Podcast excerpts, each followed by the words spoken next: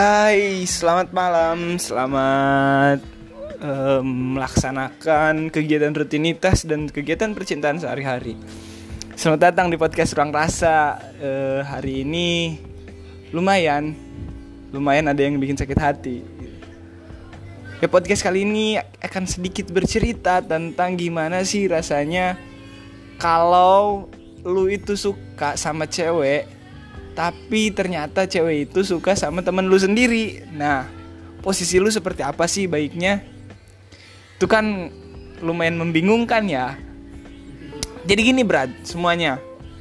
Kalau posisi lu itu berada dalam posisi yang sangat mencintai si cewek itu, sedangkan si cewek itu juga sangat mencintai sahabat lu sendiri. Wah, ini sih memang sangat berat ya, tapi lo harus tegar supaya lu bisa cepet-cepet move on meskipun itu lu belum jadian gitu. Jadi kayak gimana ya? Kalian tuh harus punya jalan jalan untuk memutuskan. Percuma lu suka sama dia tapi dia suka sama orang lain ya lu harus berjuang sendirian gitu. Kan cinta itu nggak bisa cinta itu dibangun atas dasar berpasangan.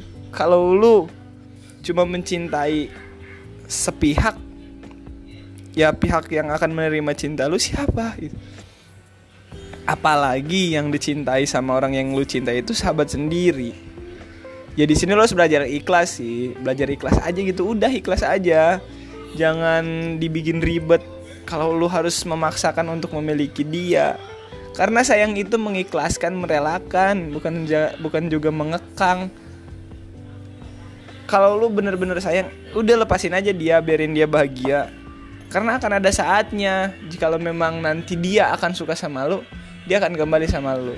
Sekarang pilih lu lu mau bertahan dengan rasa yang terpendam apa lu mau mengikhlaskan dengan dia yang memiliki kebahagiaan.